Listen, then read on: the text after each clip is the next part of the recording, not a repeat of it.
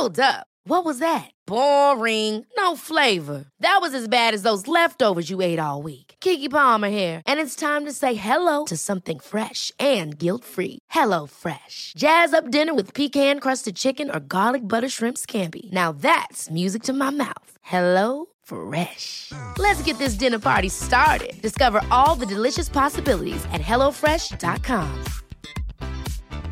Quality sleep is essential. That's why the Sleep Number Smart Bed is designed for your ever evolving sleep needs. Need a bed that's firmer or softer on either side? Helps you sleep at a comfortable temperature? Sleep Number Smart Beds let you individualize your comfort so you sleep better together. JD Power ranks Sleep Number number 1 in customer satisfaction with mattresses purchased in-store. And now, save 50% on the Sleep Number limited edition Smart Bed for a limited time. For JD Power 2023 award information, visit jdpower.com/awards. Only at a Sleep Number store or sleepnumber.com.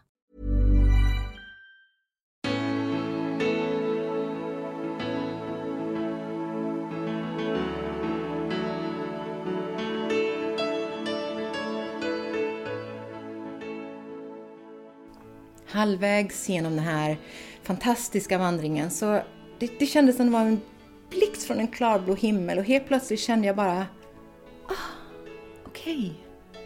Det här är jag. Det är liksom min mission i livet är inte att bli någon, någon jobbtitel eller bli världens bästa någonting annat utan jag vill bara vara lycklig.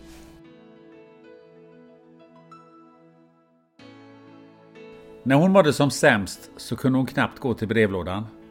Ett och ett halvt år senare så gick Karma Forrester från nordspetsen av Nya Zeeland hela vägen till sydspetsen av Sydön. En nätt liten vandring på 300 mil. Karma är ett fantastiskt exempel på någon som vågar ta steget från alla måsten med karriär, villa och vovve. Att bara följa sitt hjärta och fundera på vad man egentligen behöver för att vara lycklig som människa. Att inse att livet är alldeles för kort för att inte levas fullt ut.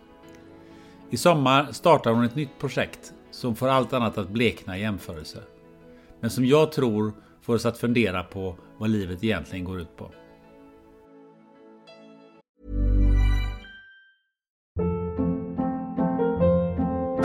Hold up. What was that? Boring. No flavor. That was as bad as those leftovers you ate all week. Kiki Palmer here, and it's time to say hello to something fresh and guilt-free. Hello Fresh. Jazz up dinner with pecan-crusted chicken or garlic butter shrimp scampi. Now that's music to my mouth. Hello Fresh. Let's get this dinner party started. Discover all the delicious possibilities at hellofresh.com.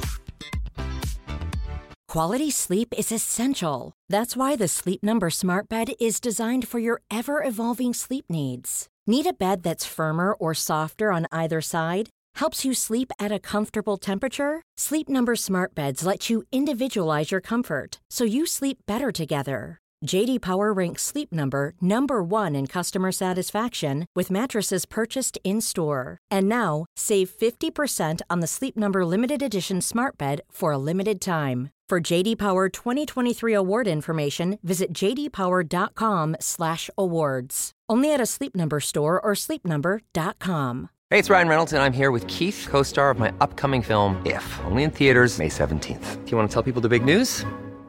All right, I'll do it. Sign up now and you'll get unlimited for $15 a month in six months of Paramount Plus Essential Plan on us. Mintmobile.com slash switch. Upfront payment of $45 equivalent to $15 per month. Unlimited over 40 gigabytes per month. Face lower speeds. Videos at 480p. Active Mint customers by 531.24 get six months of Paramount Plus Essential Plan. Auto renews after six months. Offer ends May 31st, 2024. Separate Paramount Plus registration required. Terms and conditions apply if rated PG. På sin blogg Reboot Life presenterar dagens gäst sig som digital nomad, art director, storyteller, orkidénörd, upptäcktsresande och long distance hiker. Karma Forrester, välkommen till podden Spännande möten. Tack så mycket. Du, kan du förklara de här titlarna lite grann? kommer jag nog inte ihåg vilka alla, hur många Nej, det men var de som där. du kommer ihåg. ja, digital nomad, det handlar väl om att eh, jag eh, har valt att inte jobba för en, eh, ta en anställning utan att jag frilansar och att jag har valt att inte ha en fast plats då. Så att jag är varit på resande fot med min laptop och jobbat på det viset. Ja. Orkidénörd, det är väl en gammalt intresse Ja, det- som jag... Eh, jag har ju en tendens att snöa in på väldigt nischade saker. Så att eh, under några år där så odlade jag molnskogsorkidéer i en lägenhet i Göteborg. Det. Ja, det ska vi komma in på lite grann. Men eh, du upptäcktsresande. Jag tänker på... Var är den plats, bästa platsen på jorden? Oj. Eh, nu kan jag ju tycka att Sverige är ganska magiskt eh, och då hänvisar jag väl kanske till de norra regionerna. Det, jag är Göteborgs eh, men jag vet inte hur många det är som har fått uppleva just den här vildmarken uppe i Norrland men där tycker jag vi har något alldeles magiskt ute i, eh, i fjälltrakterna. Eh, Så det är häftigt. Och sen så måste jag säga att jag har spenderat ganska mycket tid på Nya Zeeland de senaste åren och den södra ön speciellt på Nya Zeeland är våldsamt vacker och häftig och väldigt varierande. Mm. Jag har förstått det att eh, alla som har varit på Nya Zeeland, eh, som jag känner, säger ju Nya Zeeland ska du åka till. Absolut. Och det är, det är ju det, man kommer inte dit för det är ju lite långt bort. Det är väldigt långt att åka men det är ett underbart f- vänligt folk och naturen är helt magisk. Man har närheten till hav och 3000 meter höga berg inom en timmes eh, färd. Så att man har liksom allt från guldgula stränder till eh, snötäckta toppar inom räckhåll. Och inga farliga djur har jag. Nej, inga farliga djur. Det är fantastiskt. Inga, inga spindlar och Nej. inga ormar och inga krokodiler. Nej. Nej. Härligt. Eh, på din blogg då så står det även ett citat om hur man ska leva sitt liv av en herre som heter Hunter S. Thompson, en legendarisk amerikansk journalist. Han skriver så här. Life should not be a journey eh, to the grave with the intention of arriving safely in a, in a pretty and well preserved body. But rather to skid in broadside in a cloud of smoke, thoroughly used up, totally worn out and loudly proclaiming wow. Ja. Hur, hur retil- re- relaterar du till det citatet? Ja, alltså jag skulle väl nästan säga att det är ett levnadsmotto nu för tiden. Eh, Det härleder väl till en av de här titlarna du frågade om tidigare, det här med långdistansvandrare och äventyrare. Eh, De senaste tre åren så har jag mer eller mindre varit ute på eh, vandring och ute i vildmark. Och eh, lite det här att våga tänja på gränserna, våga utmana sig själv och ge sig ut då som eh, solovandrare, som kvinna utomlands och ja, vandra i fem månader ute på egen hand. Ehm, Men framförallt är det att man inte att man inte lyssnar på den där försiktiga sidan hos sig som säger att man inte borde eller man kanske inte kanske borde göra någonting säkrare, köpa en charterresa någonstans. Utan istället att man packar väskan och så åker man och så ser man vad som händer längs med vägen. Liksom. Att man inte ska spara sig till pensionen utan att man lever nu. Livet är väldigt kort, man lever en gång och jag vill vara helt säker på att jag kan titta tillbaka på livet liksom, med ett leende på läpparna och känna att jag verkligen har levt. Och det, jag tror det är det den här leder till lite i det citatet, att man ska liksom inte försöka leva ett försiktigt liv så man kan dö som ett vackert lik. För det finns liksom ingen poäng med det, utan man kan leva hårt, leva rejält och liksom verkligen satsa fullt ut på att leva ett liv som är fullt av erfarenheter och upplevelser. Och, ja, och man blir lite, får lite skrapsår på vägen så är det liksom, det hör till på något vis. Men eh, det känns som det är väldigt många människor som skulle kunna ställa upp på det där du säger. Men det är väldigt, väldigt få som tar det där steget. Exakt. Jo, det kan jag väl också tycka. Att jag, eh, det var ju inte en, ett enkelt beslut från en dag till en annan för mig heller. Att bryta den där konventionella livsstilen där att man, man har ett 9 efter 5 jobb, man har ett hus, man har en relation och en bil, villa, vo- Volvo eller vad det nu är. Ja, det är ju Ja, alltså- Safea grejen.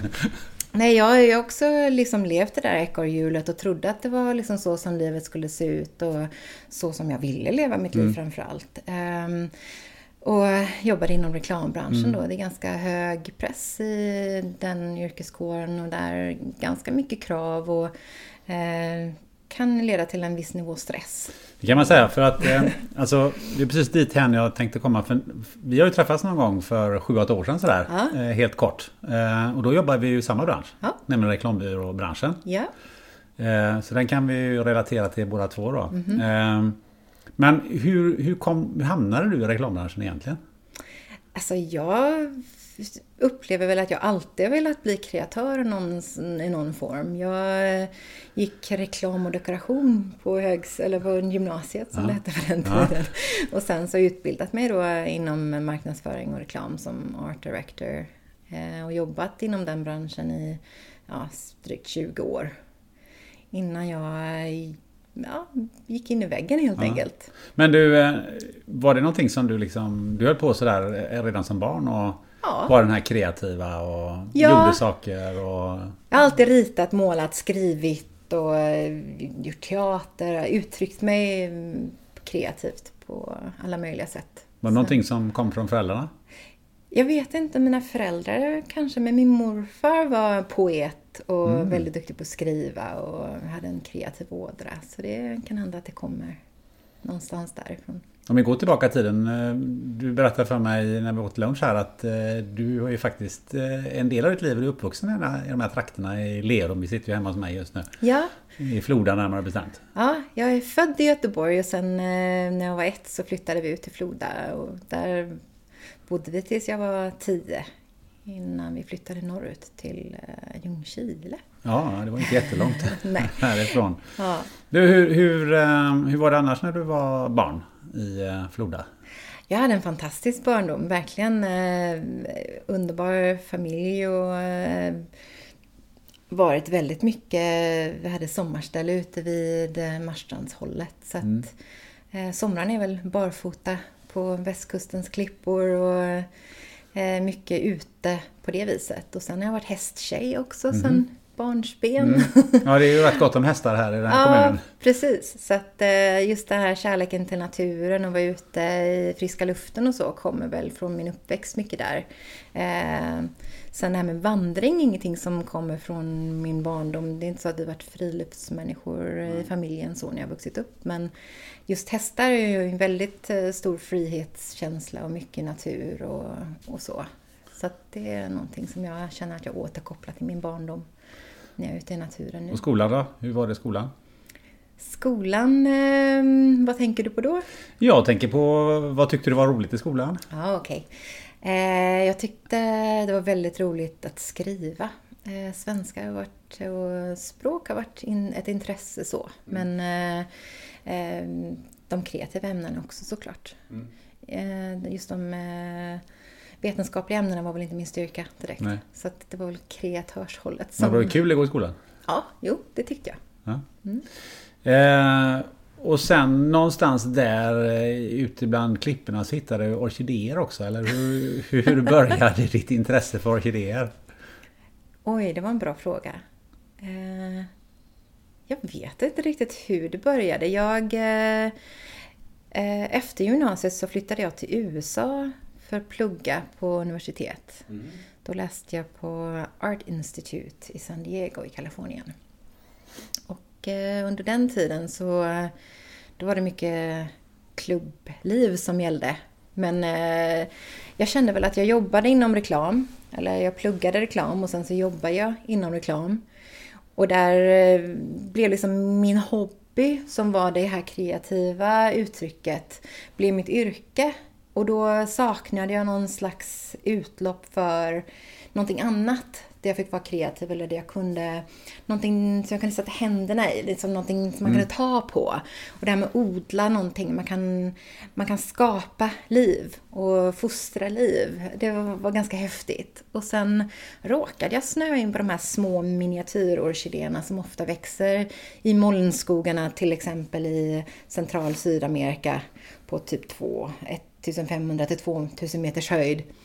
Så då blir det en ganska stor teknisk eh, situation att lösa det i en lägenhet i Göteborg. Alltså då får man ju bygga ett glasskåp med regnsystem och dimsystem och fläktar och kyla och allt möjligt eh, för att skapa rätt miljö för att odla de här ganska så svåra eh, miniatyrorkidéerna som kanske är 3-4 cm i bladen och en blomma på 3 mm. Men en otrolig art, liksom rikedom och en detaljrikedom på de här små eh, magiska varelserna. Så men, men är det ändå lite den här, du sa att inte de här natur eller vetenskapliga ämnen inte passade, men det här är ju lite vetenskap. Ja, men där, jag vet inte om det var den teoretiska vetenskapen som inte passade mig, men när jag väl går in för någonting så går jag in all in, det är liksom allt eller inget som gäller. Så när jag blev passionerad över de här orkidéerna, då lärde jag liksom mig allt.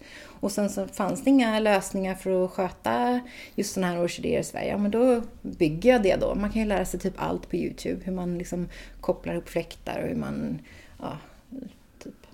Så lära sig själv. Så du byggde en hel, eh, vad ska man säga, regnskog eller någonting mm. inne i en lägenhet i Göteborg? Ja, exakt.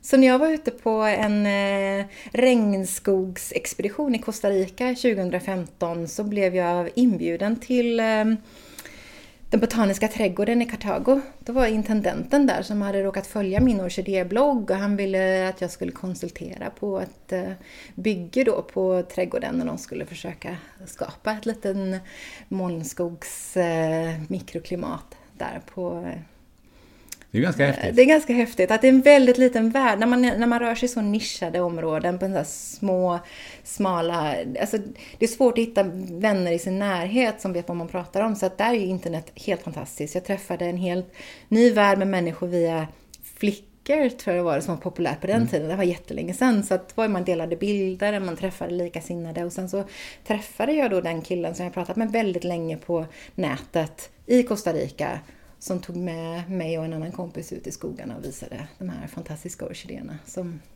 vi odlade hemma då i sin, eh, i sin naturliga miljö. Men hur, hur många orkidéer hade du hemma då? Jag hade väl några hundra, jag vet inte hur många det var, tre, fyra hundra. Men hur löser man det? Nu börjar jag nörda ner med här. Men liksom det här med fuktighet och så vidare i en, mm. i en lägenhet. Måste man ta massa fläktar och grejer så att det liksom blir kondens och så jo då. vidare? Eller? Nej men jag byggde ett glasskåp så jag kunde sköta ett glasskåp som var typ två meter brett och någon meter djupt och sådär. Mm. Så du kapslar liksom in det Kapsla in det och byggde ett mikroklimat i ett uh, jättestort terrarium. Vi kommer in på det snart. Du är ju ute och, och, och vandrar för det mesta nu för tiden. Men vad, vad är orkidéerna nu då? De har jag adopterat ut till eh, vänner och bekanta. för nu har jag varit borta i ganska många år så att nu det är svårt att hålla sig med någonting växtligt. Så. Men hade du orkidéer redan när du var i USA? Mm, inte lika många. Det var när jag flyttade hem från USA igen under 2007 som det intresset tog rejält med fart. Fick du med dig de orkidéerna då från USA? Nej, det är väldigt svårt där. Orkidéer är ju mm, utrotningshotade så att man måste ha eh, importpapper och massa sundhetsintyg och diverse om man ska importera orkidéer själv. Mm -hmm. Och det fick du inte? Nej, det, var inte, det hade jag inte tillgång till. Så. Det var för mycket bråte? Det, ja, det går inte att lösa om man inte har den kedjan, eh, alltså om man inte har den planen från mm. början. Så man har eh, att de är odlade av i fångenskap så att säga och att man har certifikat på okay. att de inte är vilt insamlade för det är olagligt. Men du, det kanske finns någon som lyssnar som har orkidéer hemma. Många, många har ju orkidéer hemma precis ja. som vi här. Vad, ge några tips på hur ska man hålla orkidéer så de inte dör? För en del får, det är ju rätt många som får orkidéer när de, på någon födelsedag eller sådär. Det är ju en ganska ja. vanlig blomma i, i handeln. Ja, den här vanliga brudorkidén eller phalaenopsisorkidén som mm. är väldigt vanlig, den är ju otroligt tacksam. För den blommar ju väldigt länge, väldigt vackert och den är lättskött. Så tipset jag kan ge är väl att inte vattna ihjäl den. Eh, för den vill torka lite mellan vattningarna. Så doppa hela krukan i vatten någon gång i veckan så mm. klarar den sig rätt bra. Det är det främsta tipset? Ja. Vattna inte för mycket? Nej, vattna inte för mycket. Och låt den inte bränna sig nu i den här vårsolen på vårkanten. Kanske ställa in den en liten bit i rummet de första veckorna på våren. Och inte ställa den i det varmaste fönstret på sommaren. Bra tips! Ja. Nu... Eh, eh, jag tänkte att vi kommer tillbaka till det här tillfället när vi träffades, eller ungefär vid den tiden. Mm. Då eh, jobbade du och jag som sagt var i reklambranschen. Hur, hur såg ditt liv ut där? på den tiden? Det var ganska hektiskt just på den tiden. Ehm, jag kan väl säga att då var jag på väg ut ur, eh, ur branschen skulle jag vilja säga. För jag hade under många år kört på ganska hårt och eh, stressen började ta ut sin rätt vid det laget. Så att, eh, jag tror det var nog bara något år efter vi träffades som jag blev sjukskriven under ett år för stressrelaterade utmattningssymptom, eller vad det nu heter för den, på den här tiden. Det var för lite sömn och för mycket jobb helt enkelt. För, ja, för mycket jobb. Eh, och ja, det, det, är lite en personlighetsdrag tror jag. När jag gillar någonting så går jag väldigt passionerat in och jobbar alldeles på tok för mycket kanske. Mm. Utan, och tänker inte lika mycket på det här med återhämtning och den sunda balansen mellan jobb och, och vila och, och annat. Men du var egenföretagare då? Jag var egenföretagare. Det måste vara tufft att bli sjukskriven. Ja, alltså där, då får man ju avveckla verksamheten i stort sett. Så att där, det var väl en process då att kunna känna att man eh, kan släppa kunder. För det är ju lite av en anledning att man eh, kanske bränner ut sig. Att man har ett eh, kanske lite för påtagligt ansvarstagande eller ansvarskänslor för mm. andra människors eh, produkter eller företag, alltså de kunder man har åtagit sig uppdrag för. Eh, och då, eh, ja, men som sagt, en väldigt klok vän till mig sa en gång, eh, hon sa det att ingen tackar dig för att du bränner ut dig. Så du måste ta hand om dig själv. Så sant. Det är många som borde lyssna på det där. Mm. Ja, och jag skulle ha lyssnat eh, lite mer ordentligt och lite tidigare tror jag. På det för det var någon som sa till dig? Mm. Hon såg vart det barkade. Eh, mm. Men dessvärre så är det ju svårt att lyssna när man redan är inne i den processen där. Alltså, så att jag jag var hemma ett drygt år, sjukskriven. Mm. Och det var väl på väg tillbaka från den eh, sjukdomen som jag hittade den här vandringen. Att det blev det, den räddande receptet för mig. Hur gick det till? Ja, Nej, men alltså, när, man, när man har svårt att ta sig ur sängen på morgonen, att man har svårt att övertala benen att liksom bara hitta golvet så att man kan ta sig ur sängen och att gå upp till brevlådan är ett heldagsprojekt. Alltså man måste på något sätt hitta någonting som återför energi i kroppen och så man kan koppla an till någonting. Och jag försökte terapi och medicinsk yoga och lite allt möjligt tills de ordinerar liksom utbrända människor att försöka eh, läka ut. Men eh, det var främst när jag eh, hittade tillbaka till naturen som det började hända saker. Mm. Då var det korta promenader och då märkte jag liksom att ha, men jag fick energi av det här och liksom hjärnan slappnade av och hjärnan kunde liksom landa någonstans i nuet helt plötsligt. Någonting som jag inte upplevt på många, många år. Och eh, så då började jag promenera mera och mera och ju, igen då så blir det det här när man känner att läkning händer i kroppen. Det är väldigt häftigt att man får återkontakt med hjärnan, man får kontakt med eh, liksom, positiva saker som, som energi och, och drömmar och planer och sådana saker. Då, då började jag planera att jag ville vandra riktigt långt och se om jag kunde klara av det. Så då planerade jag min första långvandring. Det var sex veckors fjällvandring uppe i Norrland i Sverige. Så jag eh, och en kompis eh, vandrade Kungsleden plus en veckas vandring in i Sarek för vi ville eh, runda av den här Kungsleden är 440 kilometer lång och vi ville runda av det till 500 kilometer för min kompis fyllde 50 det året. Så vi, mm. Det var ett fint runt nummer tyckte vi. Eh, och de här sex veckorna var alltså helt magiska. Det är ju en ganska ansträngande, krävande process att vandra med packning i hela dagen.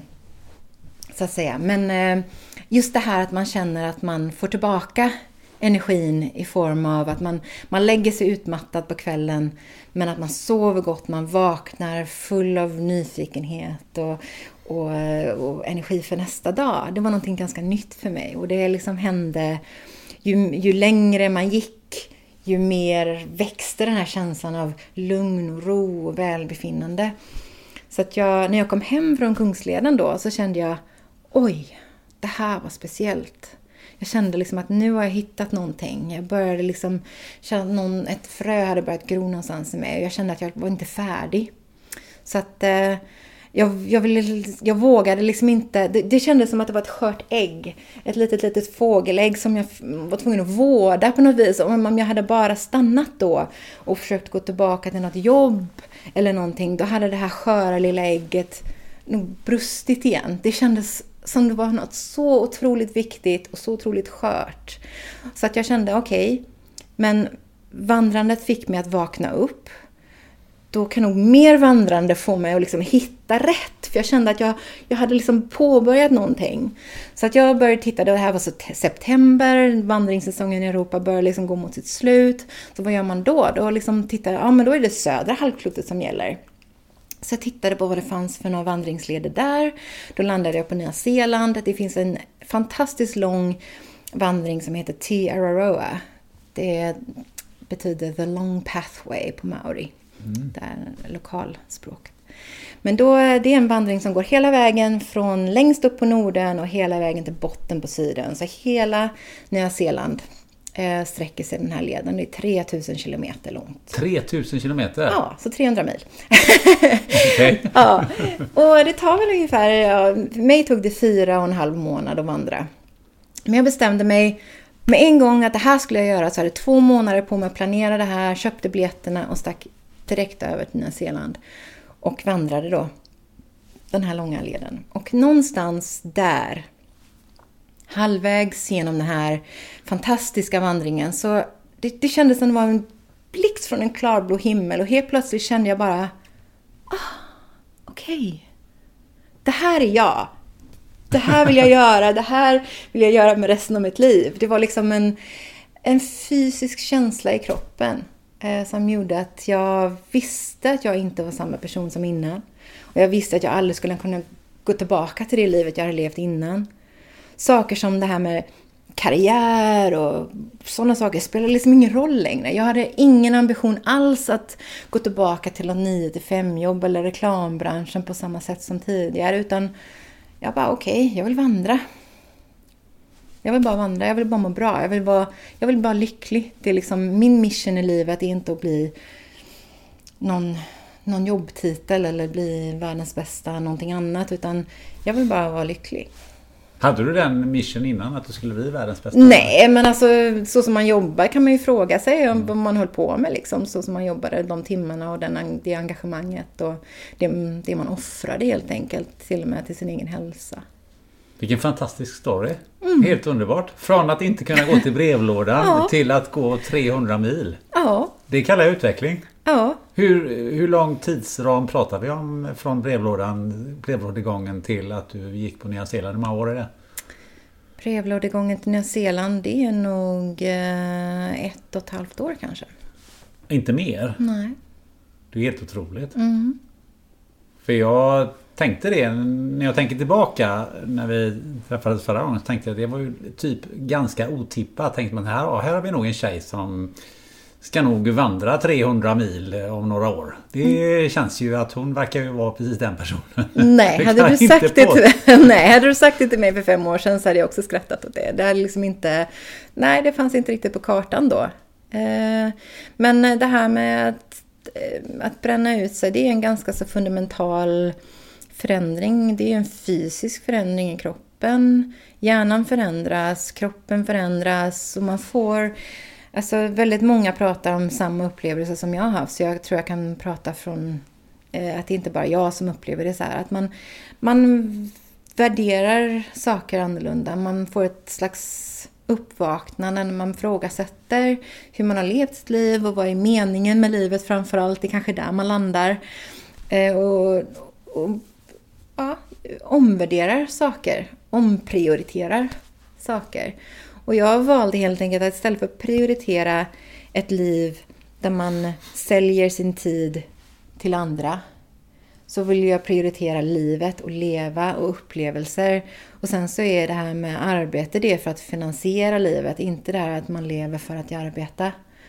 För det är så jag upplever att jag har levt mitt liv tidigare. Att man lever för att arbeta och det tar väldigt mycket av, av de vakna timmarna. Och hela engagemanget, hela varelsen uppfylls av vad man kan göra för andra.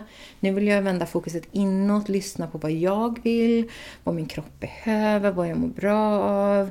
och helt enkelt uppleva världen med alla sinnen och uppleva ett liv som är ja, kanske inte rikt när det kommer till pengar, men rikt när det kommer till upplevelser.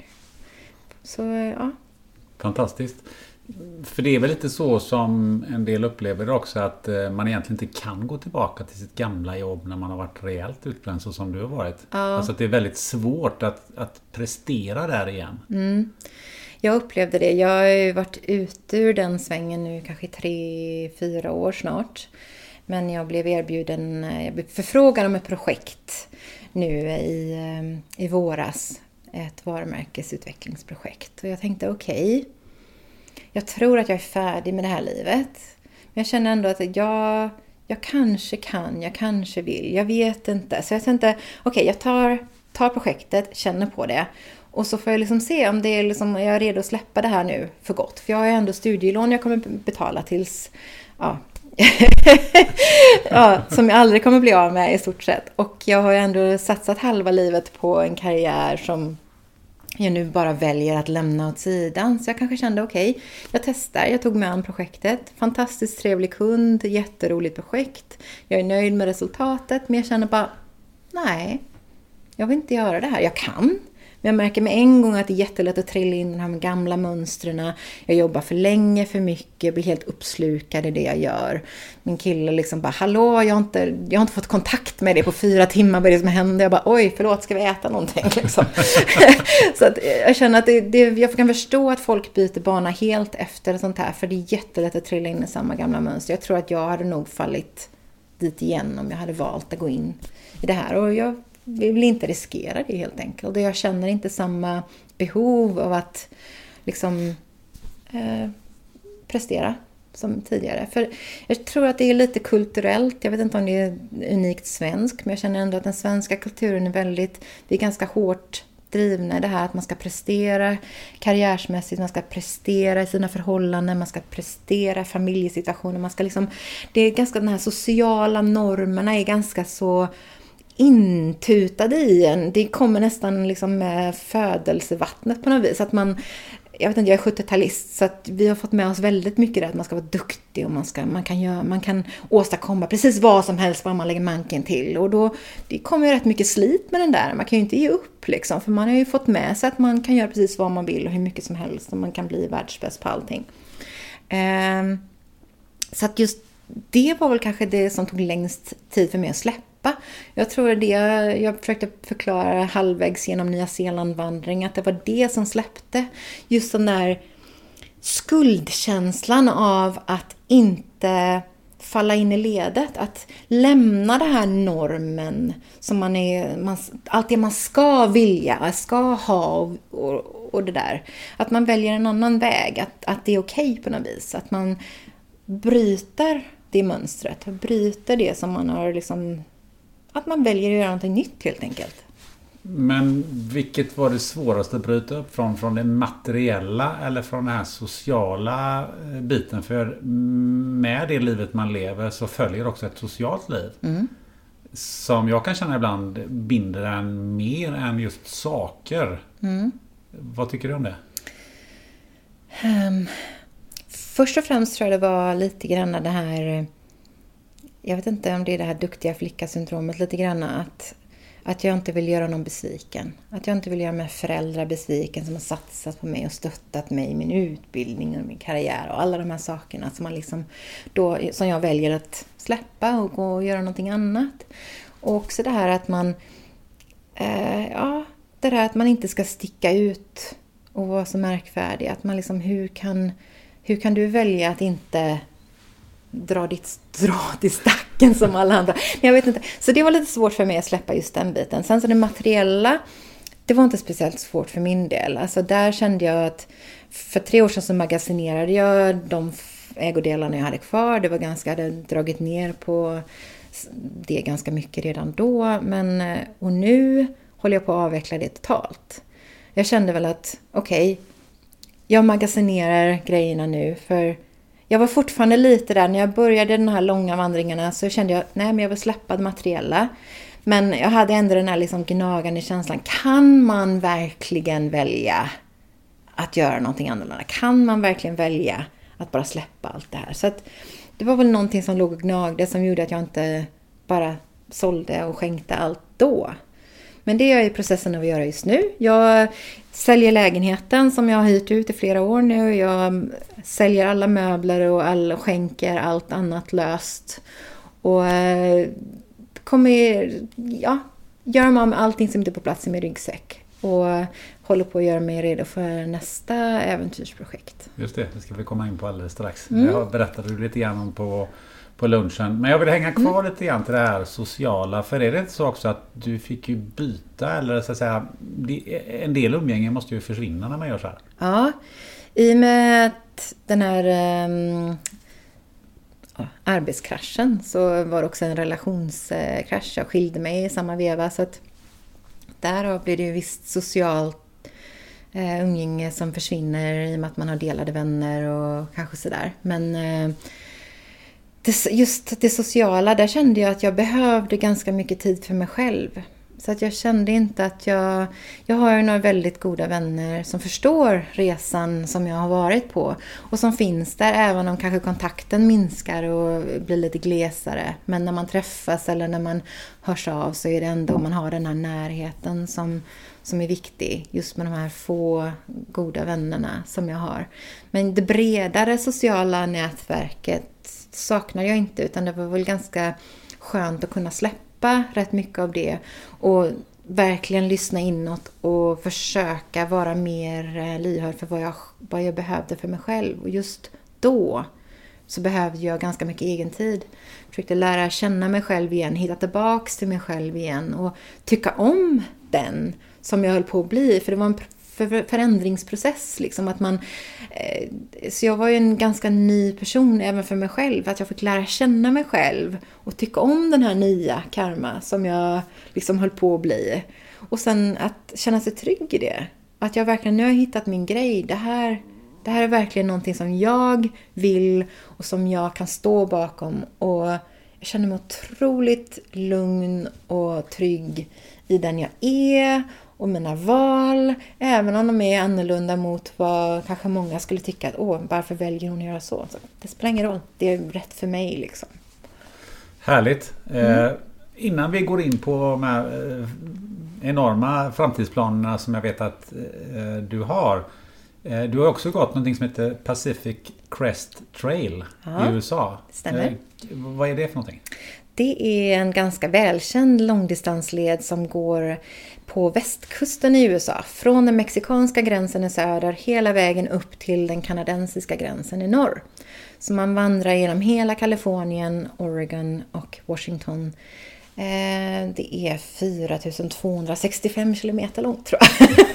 Ja, det är rätt. Ja. Jag har skrivit upp det här. Ja, eh, så det, det var väl en, eh, en långdistansled som jag var ganska sugen på eh, innan jag åkte till Nya Zeeland. Men jag var lite osäker på om jag ville gå just den för att det kom ut en film i 2013 som hette Wild med Reese Witherspoon och då fick Just det, den det, har jag sett. Faktiskt. Ja, den handlar om Pacific Crest lite mm. grann. Den handlar mer om hennes liv. Men eh, leden fick ganska mycket uppmärksamhet utifrån detta. De kallar det för the wild effect. Så att 300% ökning eller någonting av hur många som ville gå leden. Så jag tänkte att det kommer nog vara rätt mycket folk. Och jag sökte ju ensamheten, lugnet och friden ute i naturen. Inte den här sociala biten på en led. Så att jag...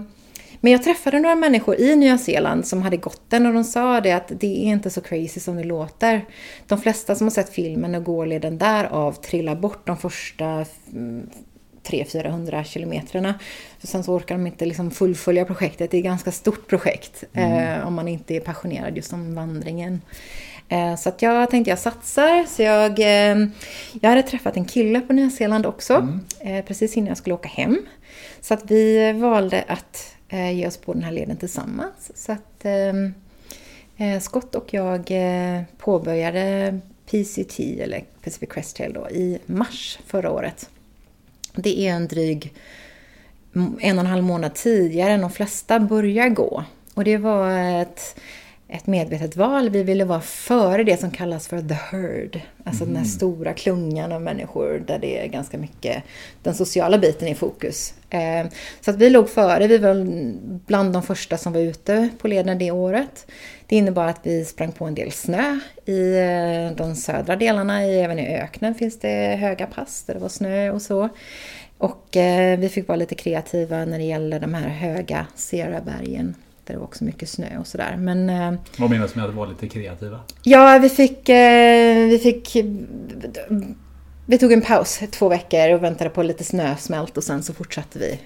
För att det var Eh, rätt förutsättningar så att inte man går upp i de höga bergen när det är de sista vårstormarna och sådär. Så att man får tajma det rätt. Men eh, fördelen med att ta sig an en leden tidigt är att eh, jag hann i mål innan de här varma sommarbränderna som de har ganska mycket problem med i USA eh, Eh, började då. Så att jag låg precis framför de här skogsbränderna så att jag hann hela vägen upp till Kanada innan leden stängdes av bitvis då på grund av bränder och sådär. Så men det var en väldigt häftig upplevelse och det var, det var kul och jag hade velat göra den ganska länge. Jag hade gjort ganska mycket research på den och så. Men det häftiga med den var liksom att ganska många som är ute och vandrar sådana här saker gör det av någon speciell anledning. Att de, de vandrar för något syfte, någon välgörenhet. Eller att de vandrar för att de vill hitta sig själv. Lite så som jag gjorde i början. Att jag kände att jag behövde det fysiskt och psykiskt.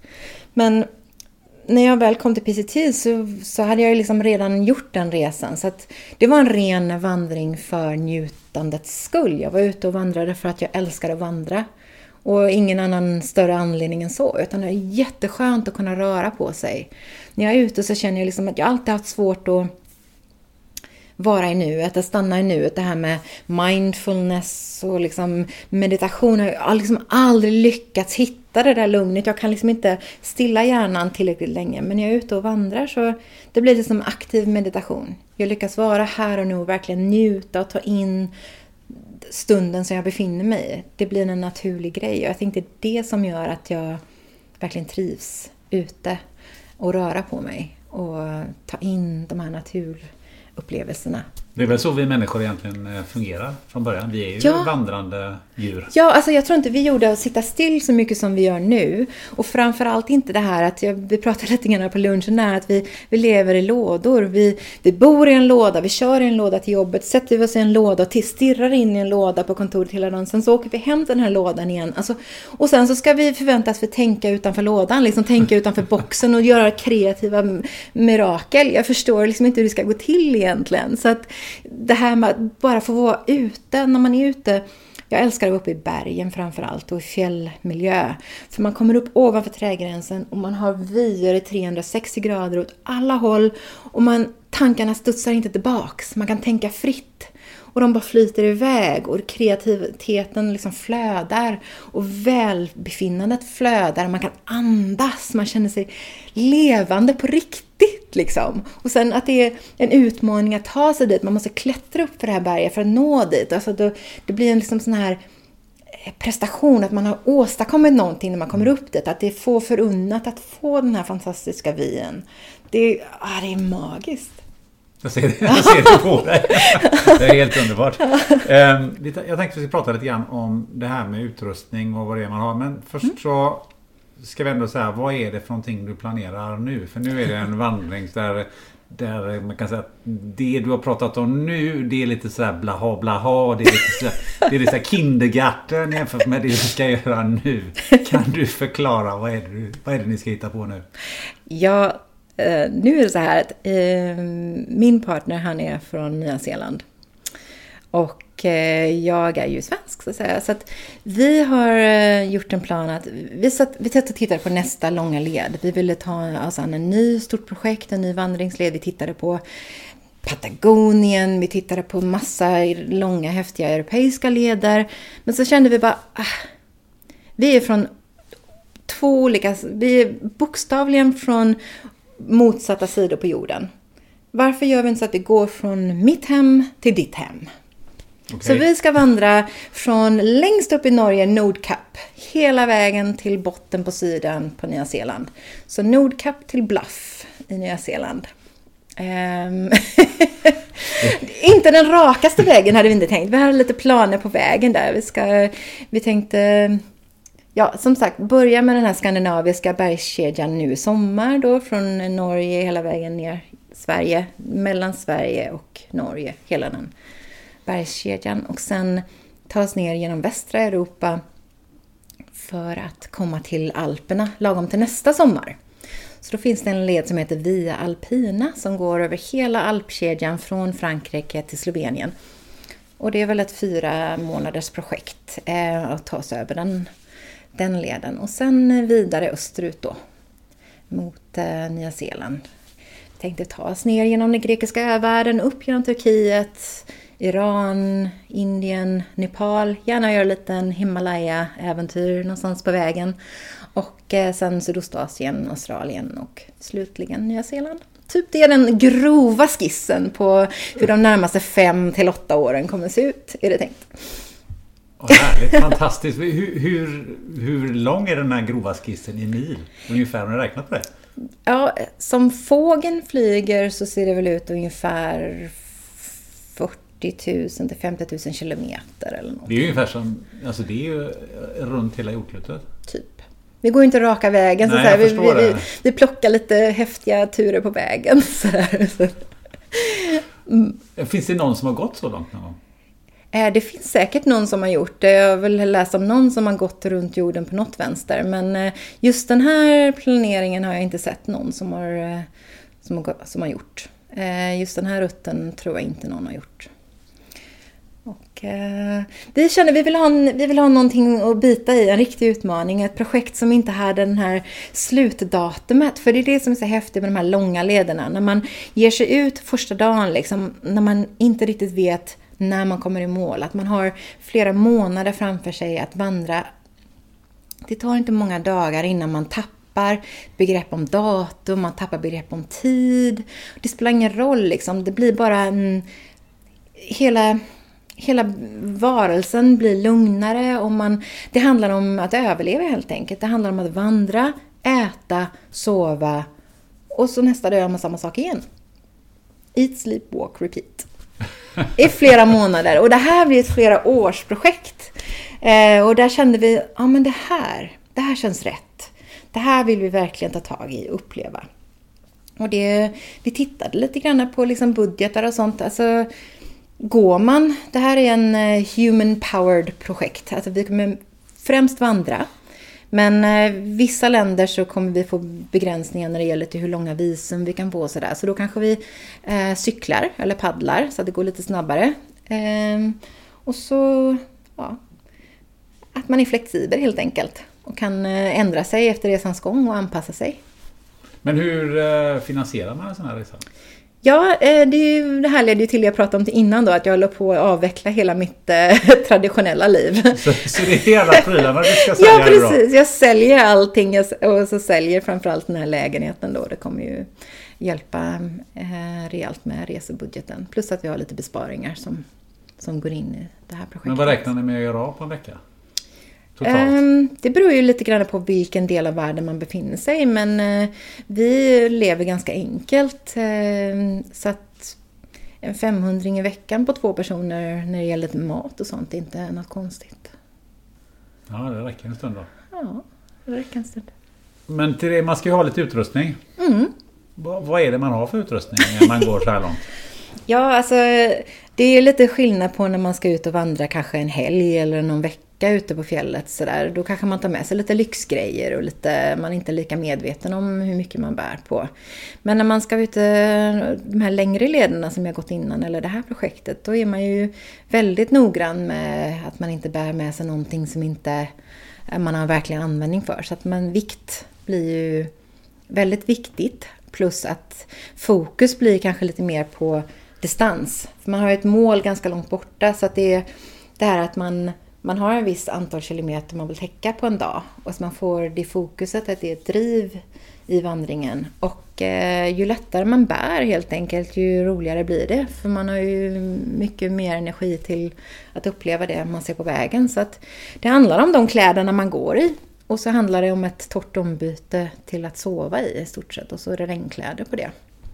Sen så har man en titanium sån spork spork. En Liten- spork. Ja, det är en, det är en fork, så det är en gaffel då och en eh, spoon, en sked i ett och samma eh, verktyg. Så det är en sked på ena sidan och en gaffel på andra sidan. Då har man, kommer man ganska långt. Och sen så en liten eh, hopvikbar mugg eller skål som man kan ha och käka i. Och så eh, vattenflaska eller vattenblåsa. Och något, något kök måste man ha med sig också. Ja, ett litet stormkök i käckt.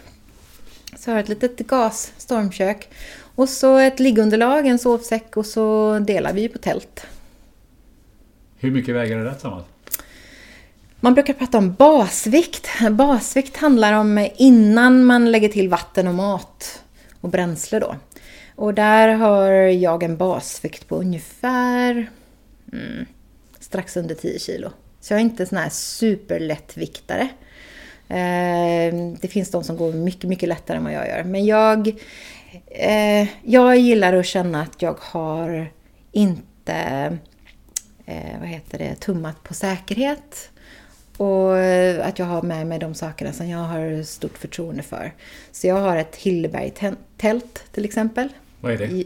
Ett Hilleberg, ett gediget svenskt producerat tält. Det är inte det lättaste på marknaden men jag har varit igenom rejäla stormar i det här tältet och jag känner mig säker i det till exempel. Så jag väljer att bä- bära lite tyngre tält för just den känslan av att känna mig trygg. 10 kilo låter ju inte så mycket ändå. Nej, men sen ska du ha till eh, mat på kanske 5 till 10 dagar i stöten på det.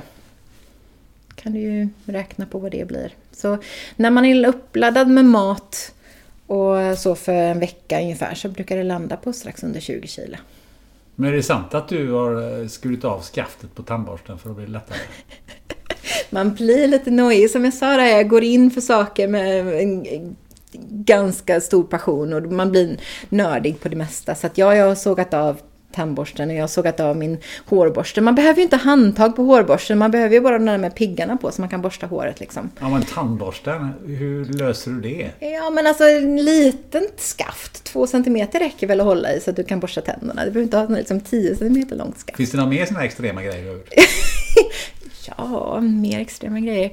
Nej, men det här med att man har eh, ett par trosor som man då tvättar. Och två par strumpor, en t-shirt och ett par shorts. Det är de kläderna man har. Och det låter inte som att man får tvätt varje dag direkt. Nej, det är om man hittar någon bäck eller så. Man vänjer sig helt enkelt. Man vänjer sig. Eh, och det är väldigt befriande det här med att inte ha eh, för mycket grejer. Allting jag bär med mig har ett specifikt syfte, gärna ett eller två syften, så att man kan multianvända grejer. Eh, och sen att vi är två då som vandrar, då kan vi dela på saker som stormkök och vi kan dela saker på, som tält. Och eh, för första förband, kit och sådana där grejer. Så att man, det är ju fördelen med att vara två då, att man kan dela på vissa saker. Men sen har ni någonting som heter Bouncebox har lärt. Ja. Vad är det? Ja, alltså i USA framförallt så hade vi det. Eh, det är för att eh, infrastrukturen längs en sån välkänd led som Pacific Crest Trail eh, innebär att där finns... Man kan komma in till en stad eller en by och köpa mat inom en, en veckas mellanrum vanligtvis. Men sen så finns det vissa sträckor där det är väldigt långt till mataffärer. Och där kan man då skicka upp matlådor. Så att jag köper mat i en stor stad och så skickar jag upp det till en, ett café eller en butik eller en liten fjällstation eller någonstans som är långt ute i bushen. Och det mm, funkar jättebra för mat och så gör de flesta. Men det här med bouncebox då, det, det funkar väl mest när man är internationell vandrare, om man kommer till USA till exempel som jag gjorde. De har ju inte så att man kan be mamma skicka över ny utrustning eller sådana saker. Så jag hade med mig lite extra grejer från Sverige. För I och med att jag vandrade Eh, fem månader då från gräns till gräns så vandrar man ju genom årstider. Så att jag hade med mig, jag hade vinterutrustning i början. Sen så hade jag med mig lite sommarutrustning som jag bytte ut. Så den här bounceboxen då skickade jag upp med en månads mellanrum upp framför mig på leden. Så att jag kunde komma åt den här lådan med lite extra utrustning från Sverige eller som jag hade köpt på vägen. Och kunde plocka ur nya saker, stoppa in saker som jag inte använde på grund av säsong eller det som har slitits ut eller sådana saker. Så att det blir som en liten support crew i en låda då som man kan skicka framför sig till postkontor framför på leden. Smart. Aldrig hört talas om. Nej, det är lite sån här långvandrar-fackspråk. En annan box som ni hade, en bear canister. Bear can, ja precis. Vad är det? Jo, det är så att i USA så har de ju björnar. Ja, och lite mer aggressiva björnar än här vi har hemma i Sverige. Så att eh, där, i vissa nationalparker framförallt, så har de krav på att man måste förvara sin mat i en björnsäker container. Och de är en, en hård plasttunna som man får bära med sig. vadå björnsäker? Ja, så att om björnen kommer in i ditt läger så kommer den inte åt din mat. För du vill inte träna upp björnarna, på att de kan komma åt människomat. För då blir de mer närgångna och tar sig in i läger mer ofta och sådär. Och Som det- käkar upp dig istället för, för de, boxen? Ja, lite så. Så att tanken med de här björnsäkra tunnorna är att du förvarar din mat där i. Det begränsar lite av doften från din mat, för de är ganska tätslutande. Plus att du ställer den då en bit ifrån ditt tält. Så att om björnen kommer in i lägret så går den och försöker bryta upp din tunna istället för att äta upp dig och ditt tält. Så Det man- låter ju väldigt eh, trevligt och säkert. Ja, alltså de, de säger man ska lägga allt från tandkräm till, eh, till solkräm. Allt som doftar helt enkelt ska in i den här björnsäkra förvaringen när man sover. I de här björntäta områdena då. Jag såg bara två, tre björnar på min vandring. Och det var snälla små svarta björnar, inte de här läskiga grizzlybjörnarna som kan vara lite Men annars har jag talas om att man ska hänga upp maten i Mm. träd och sådär. Men björnar klättrar väl? Björnar klättrar, speciellt de svarta björnarna är väldigt duktiga på att klättra. Eh, så att då är det ganska trixigt hur man ska hänga de här. Då har man en påse som man hänger i ett snöre utifrån en gren en viss sträcka upp från marken ganska högt. Och det är ganska svårt att hitta träd som lämpar sig till detta. Så att eh, med den mängden vandrare som de har i USA så har de gjort det här lag på då att man ska ha, i vissa regioner måste man ha en sån tunna. Har man inte det så, och en ranger kommer ut så eskorterar de ut den från nationalparken och så får man en böter på det. Så att det är en viss sträcka som man var tvungen att bära på det. Men den är lite knölig, inte jättelätt att packa i en ryggsäck och väger ju något kilo eller två. Så att det är inte jättekul, speciellt i och med att det är, den är ett krav genom Sierrabergen och då klättrar man på 3000 meters höjd. Då är man uppe på 3000 meters höjd under flera veckors tid och det är väldigt långt mellan matdepåer så att då bar jag på 10 dagars mat. Och den här tunnan. Ja, då blir det lite tungt. Det, det blir lite tungt och knöligt. Men jag var inne på björnar, det finns ju andra faror. Vad är, vad är det värsta du råkat ut för någon gång? Nej, men jag har nästan trampat på en liten eh, skallerorm i södra California, öknen där. Eh, eh, De är ganska så små, men den var lite slö och det var ganska kallt den dagen så den rörde inte på sig så mycket. Men jag precis såg den när jag skulle sätta ner foten så jag kunde parera då. Men de klarar man sig väl om man har stövlar på sig va? Ja, fast det hade jag inte. Eh, Större delen av Pacific Crest Trail gick jag i trail runners. Så lite ordentliga Salomon trailrunning-skor. Men du har inte råkat ut för några överfallsväder eller skador på annat sätt? Eller... Alltså väder råkar man ju ut för. Ganska rejäla åskskurar och hagelstormar och snöoväder och lite allt möjligt på eh, just den vandringen. Eh, Men inga riktiga läskiga situationer just för min del. Men mycket av det är ju förebygg. Man förebygger skador genom att vara förberedd och man är kunnig om terrängen och man har rätt utrustning och man liksom tänker sig för. för jag har ju vandrat ensam ganska mycket så då är det ju extra viktigt att man har eh, att man har huvudet med sig. Så att man gör rätt beslut. Ja, men en det- bruten fot eller en Ja. knäckt knä kan Ja. ju leda till ganska allvarliga konsekvenser. Det kan absolut vara allvarligt. Det finns ju människor som försvinner eller dör på de här lederna varje år nästan. Ehm, Men där jag, jag bär alltid med mig en PLB, en Personal Locator Beacon. Vad blir det? Nödsändare blir det nog på svenska tror jag. Eh, Så då är jag bär en enkel, enklare variant som helt enkelt bara har en nödknapp som är kopplad till militära satelliter så att den har bra uppkoppling även när man inte har cellmottagning i mobilen. Då. Så att skulle någonting hända så kan jag trycka på nödknappen och då kommer Search and Rescue ut och letar efter mig. Och i och med att jag har den här sändaren så vet de precis var jag befinner mig så att de kan hitta mig med en gång.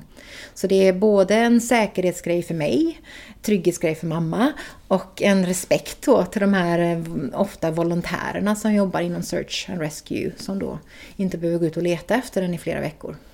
Andra människor, kan de utgöra en fara? Ja, absolut. De enda gångerna jag har känt mig osäker på mina vandringar och riktigt eh, den här olustkänslan i magen, det har väl varit i mer eh, urbana miljöer som städer. När man kommer in, eh, att det varit lite människor som inte har känts rätt och sådär, som kanske har följt efter en lite väl lång tid och sådär. Men annars så lyfter man ju ganska mycket till och från leder efter man har köpt mat och sådana grejer. Och jag har aldrig känt mig osäker i de situationerna. Utan man träffar väldigt mycket trevligt folk. Eh, och speciellt när man berättar vad man gör så får man ett väldigt positivt bemötande. När jag var i Nya Zeeland så var TRO var ganska ny led då. Den hade bara varit upp officiell i fem år. Så det var fortfarande många nyzeeländare som jag aldrig hört talas om den och inte visste att den fanns.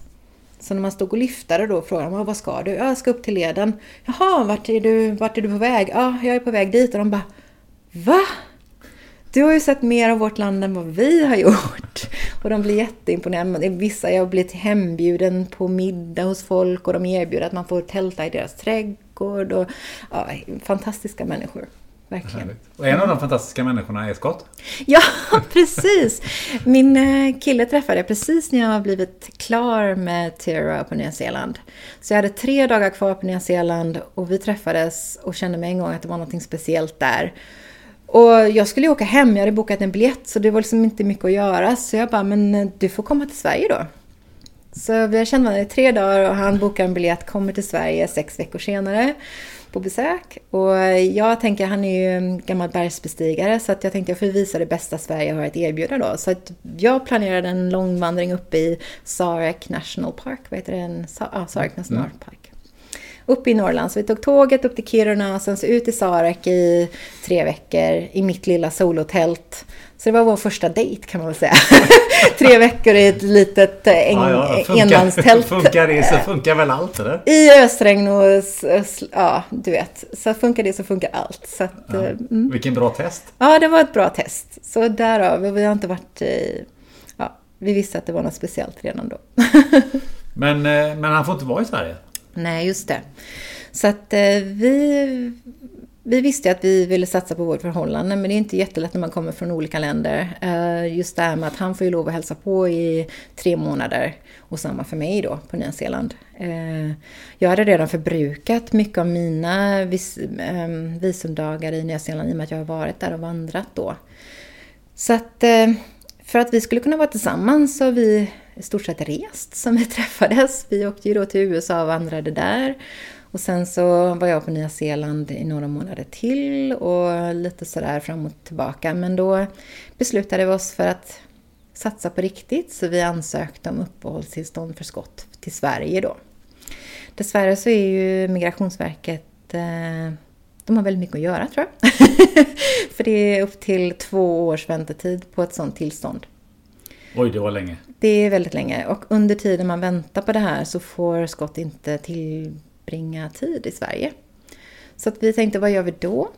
Vi byggde en... Eh, vi, vi byggde en 25 år gammal Volkswagen buss eh, till en liten husbil eh, i somras. Och sen så stack vi iväg i vinter till Östeuropa eh, och reste runt i ett halvår.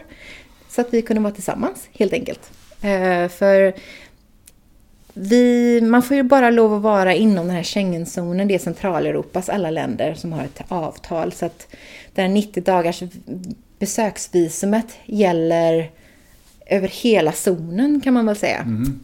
Eh, så att i Centraleuropa får man vara i typ tre månader, sen så måste man lämna. Så vi åkte till Östeuropa. Vi eh, nere i Kroatien, över till Bulgarien, Serbien, Bosnien, Turkiet och sen ja, tillbaka. Så hade vi vår intervju hos Migrationsverket på ambassaden i Aten. Varför just i Aten? Eh, det var närmast just då. När okay. vi var ute och reste så fick man välja vart man ville åka på den här intervjun. Mm. Och då, det var kortast väntetid där också. Jämfört med, det var tre månaders väntetid i Aten jämfört med fem till sex i Berlin till exempel. Och i Sverige var det ännu längre då? Eh, han, man får inte lov att göra det i Sverige, man måste vara utanför Sverige då. Och göra den här intervjun. Och när blev han eh, tillåten att få bo i Sverige under en längre tid? Ja, vi hade hoppats på då att vi skulle få ett beslut på det nu, men eh, vi har fått besked från Migrationsverket att det kan ta upp till ett år till. Oj, de måste ha väldigt mycket att göra. Ja, så att vi bestämde att vi orkar inte bara sitta och vänta ett år till. Så att vi hade redan planerat att göra någon typ av lång vandring. Så att nu kör vi igång det här långdistansprojektet under tiden helt enkelt. För livet är kort, man lever bara en gång och eh, jag är ingen eh, ungdom längre. jag blir 45 i år så att eh, ska man göra ett sånt här projekt så tycker jag att det är läge att börja vandra nu när man har hälsan i behåll och kroppen i behåll och man fortfarande har liksom rätt förutsättningar för att göra det. Så. Låter vettigt. Mm.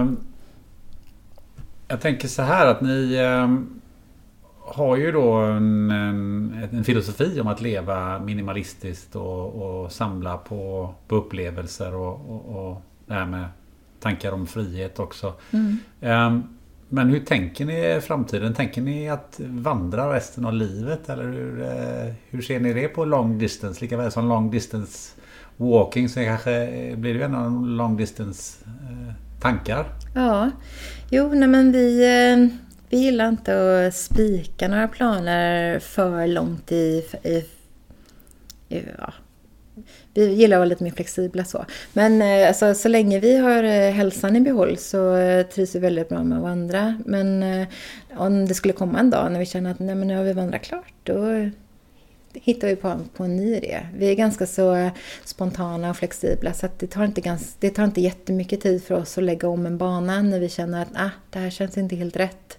Så då gör vi någonting nytt liksom. Så att, eh, men jag skulle kunna tänka mig att göra den här långa vandringen och sen så får vi se. Kanske vänder vi om och går tillbaka till Sverige. Eller så kanske vi ger oss på Sydamerika. För det är fortfarande ett oavslutat kapitel känner jag lite grann. Jag är nyfiken på Patagonien bland annat och Peru och Ecuador. Och, um, så att um, eventuellt kanske det blir någonting nytt där. Eller så slår vi ner rötter någon annanstans. Man kanske hittar någonting på vägen som lockar. Eller ja, vi vet inte riktigt. Men den enda delen av världen som du inte har pratat om på hela den här eh, intervjun, det är ju Afrika.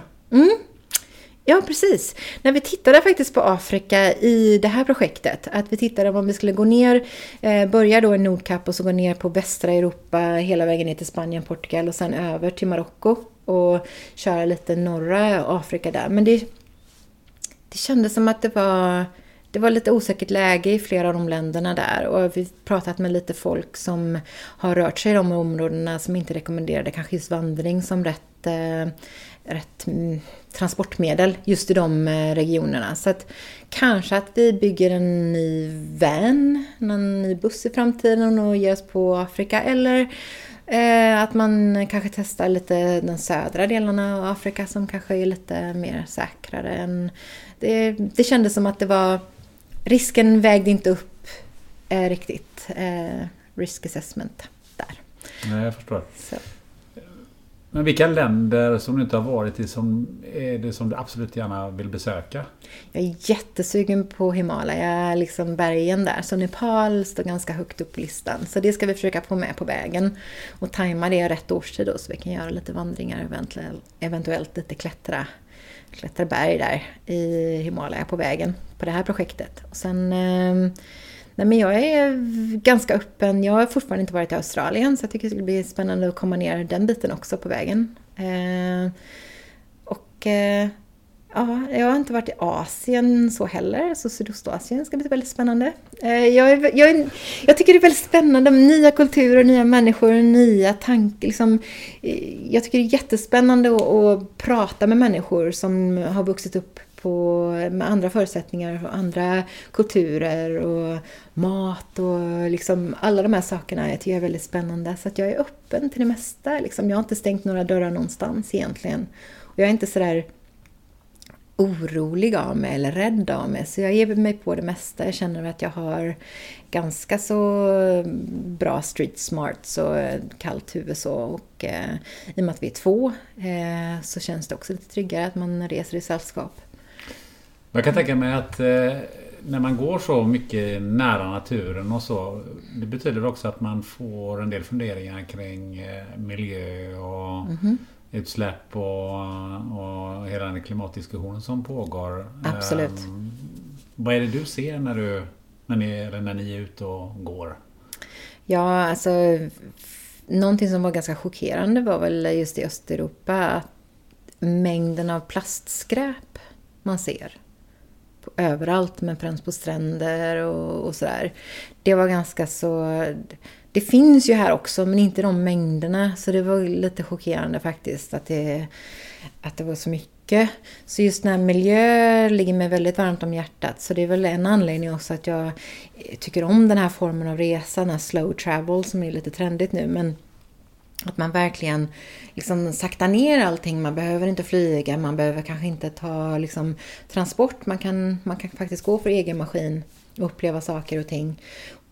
Och sen att man väljer de produkterna med företag som har en medveten miljöprofil. Som till exempel Patagonia är ju ett outdoor-märke som har en väldigt utpräglad miljöprofil. Och sen att man väljer eh, kvalitetsprodukter som varar länge. Och produkter som där företagen stödjer den här att laga principen. Till exempel Lundhags kängor är någonting som jag har använt i många år som jag är väldigt positiv till. Där har jag en känga som jag har haft med mig från många år tillbaka nu som de har lästat om tre gånger, nya sulor. Och då blir de i stort sett som nya, det är ju läderkängor liksom. Bara ny sula på och så kör de liksom 2-3 tusen kilometer till och så skickar man tillbaka dem till fabriken och får en så fixar de upp dem igen. Liksom. Jag gillar det, det tänket att det inte bara slit och släng utan att man, man köper kvalitetssaker som finns med en, som man lagar och vårdar och liksom tar hand om och få en relation till. Och att man då väljer företag och stödjer företag som jobbar för miljön. Det här med att minska gifterna i produkterna som Fjällräven är ett annat bra svenskt märke som dragit ner mycket på de här gifterna i sina produkter och, och, och sådana saker. Att man är medveten om vad man väljer och vad man stödjer. Så det är någonting som jag hoppas att vi kanske kan få chansen att jobba med längs med det här projektet om det är företag som känner att de eh, att, att de vill stödja ett projekt, att de eh, känner igen sig i våra värderingar och att de kanske vill vara med och sponsra eller att vi kan ha ett samarbete på något sätt. Det tycker jag är bra för då kan man ju lyfta fram att är det kvalitetsgrejer så håller de för en sån här lång vandring. Liksom, för man kan inte ha slit och släng-grejer när man ska vara ute i bussen i fem år. Liksom. Låter som en eh, kanonidé. Hör ni det ni som eh, jobbar på Fjällräven, Patagonia och eh, Lundbergs? Lundhags. Lundhags, förlåt. Nu är det dags att sponsra någonting som är verkligen någonting värt. Ehm, vi ska avrunda snart men jag, tänkte att ehm, eh, du skulle komma med några rekommendationer. Vad skulle du säga till en person som är precis på väg ut ur gymnasiet och inte vet vad hon eller han ska göra? Ja, okej. Okay. Det är en jättebra fråga. Eh, jag skulle vilja säga att hoppa inte in i någonting för snabbt. Att försöka att verkligen lyssna inåt. Vad är det som, som du brinner för? Vad är det som du skulle kunna tycka är mer av ett um, där du tillför någonting. Där du kan tillföra både din personlighet, din, liksom din, ditt driv, din passion i någonting som gör att du får du berikas av det som du ägnar din tid med. Eh, och att du kan tillföra någonting som gör att du finner någon mening i det du gör. Och sen att du inte... Alltså, tänk lite grann, behöver jag verkligen committa hela mitt liv till en karriär till exempel. Hur mycket saker behöver jag för att vara lycklig? Om man lever lite mer minimalistiskt och lite enklare, mindre, så finns det så otroligt mycket mer tid för upplevelser. Att man inte liksom jobbar 60 timmar för att kunna betala för någonting som man inte hinner njuta av för att man jobbar hela tiden. Så att, tänk lite grann på den här livsbalans och jobbbalans och, och gör den avvägningen vad det är som är verkligen värt det. För man lever livet en gång och det är jätteviktigt att man gör medvetna val så att man känner att man lever det livet man verkligen vill och inte trillar in i det här borden och måsten och det som man tror att man ska tycka är rätt och verkligen lyssna på vad kroppen säger och vad hjärtat säger. Följ hjärtat. Om vi tar någon person som befinner sig typ mitt i livet. Mm. Kanske 40-45. Ja. Och känner det du kände för, för ett antal år sedan. Um, vad skulle du säga till den personen?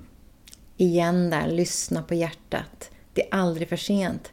Det här med att tro att man, man inte kan därför att. Jag har fått jättemånga människor som säger Åh, vad fantastiskt det du gör. Jag önskar att jag också kunde men jag kan inte därför att. Olika åtaganden eller liksom att allt går, bara man vill. Det kanske handlar om att man får lägga en längre plan för att komma dit, men det går. Vill man verkligen någonting så är det aldrig för sent att ändra bana. Det gäller liksom bara att lyssna på vad är det jag verkligen vill och sen så våga följa eh, hjärtat.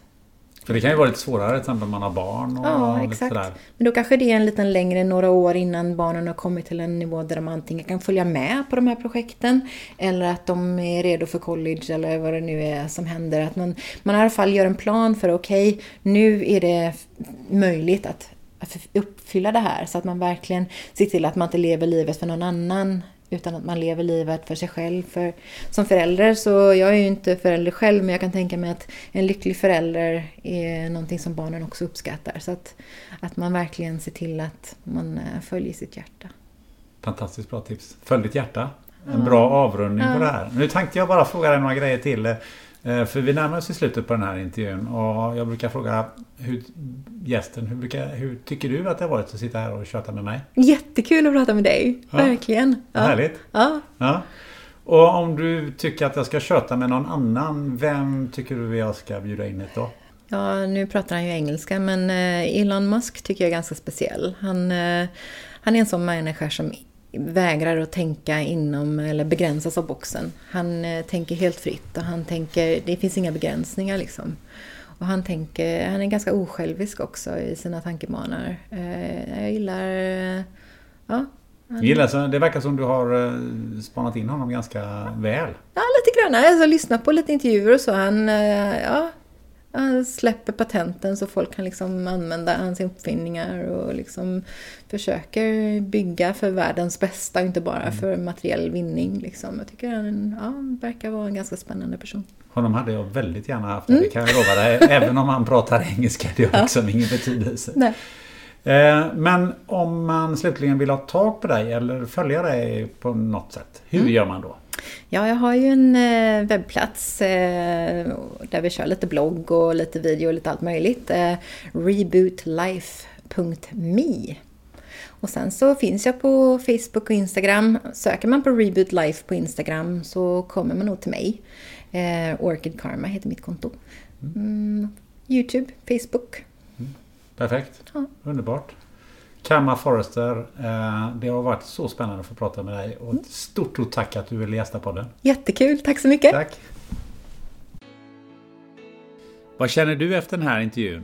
Skulle du vilja göra något annat? Skulle du verkligen våga? Det skulle vara intressant att höra just dina reflektioner. Så gå gärna in på poddens sociala medier och berätta. I den här podden så gör vi som bekant tvära kast. Nästa vecka så låter det så här. Problemet redan där tycker jag är liksom fel i grundtanken är ju liksom att drogerna tar över ditt liv och drogerna kapar din hjärna så att du får svårigheter att själv styra detta när man hamnar i ett, ett missbruk. Ja, man kan ju vara klar och tydlig med att, att de som använder cannabis går det sämre för. De får sämre utbildningar, de får sämre utbildningsresultat, de får sämre inkomst.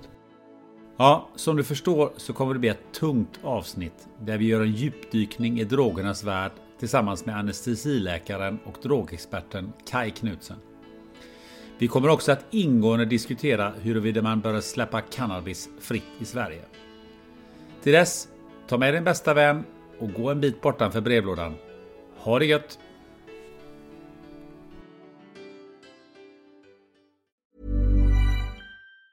Have catch yourself eating the same flavorless dinner three days in a row? Dreaming of something better? Well, HelloFresh is your guilt-free dream come true, baby. It's me, Gigi Palmer. Let's wake up those taste buds with hot, juicy pecan-crusted chicken or garlic butter shrimp scampi. Mm. Hello Fresh. Stop dreaming of all the delicious possibilities and dig in at HelloFresh.com. Let's get this dinner party started. Hi, I'm Daniel, founder of Pretty Litter. Cats and cat owners deserve better than any old fashioned litter. That's why I teamed up with scientists and veterinarians to create Pretty Litter. Its innovative crystal formula has superior odor control and weighs up to 80% less than clay litter.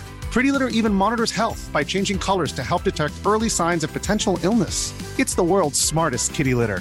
Go to prettylitter.com and use code ACAST for 20% off your first order and a free cat toy. Terms and conditions apply. See site for details.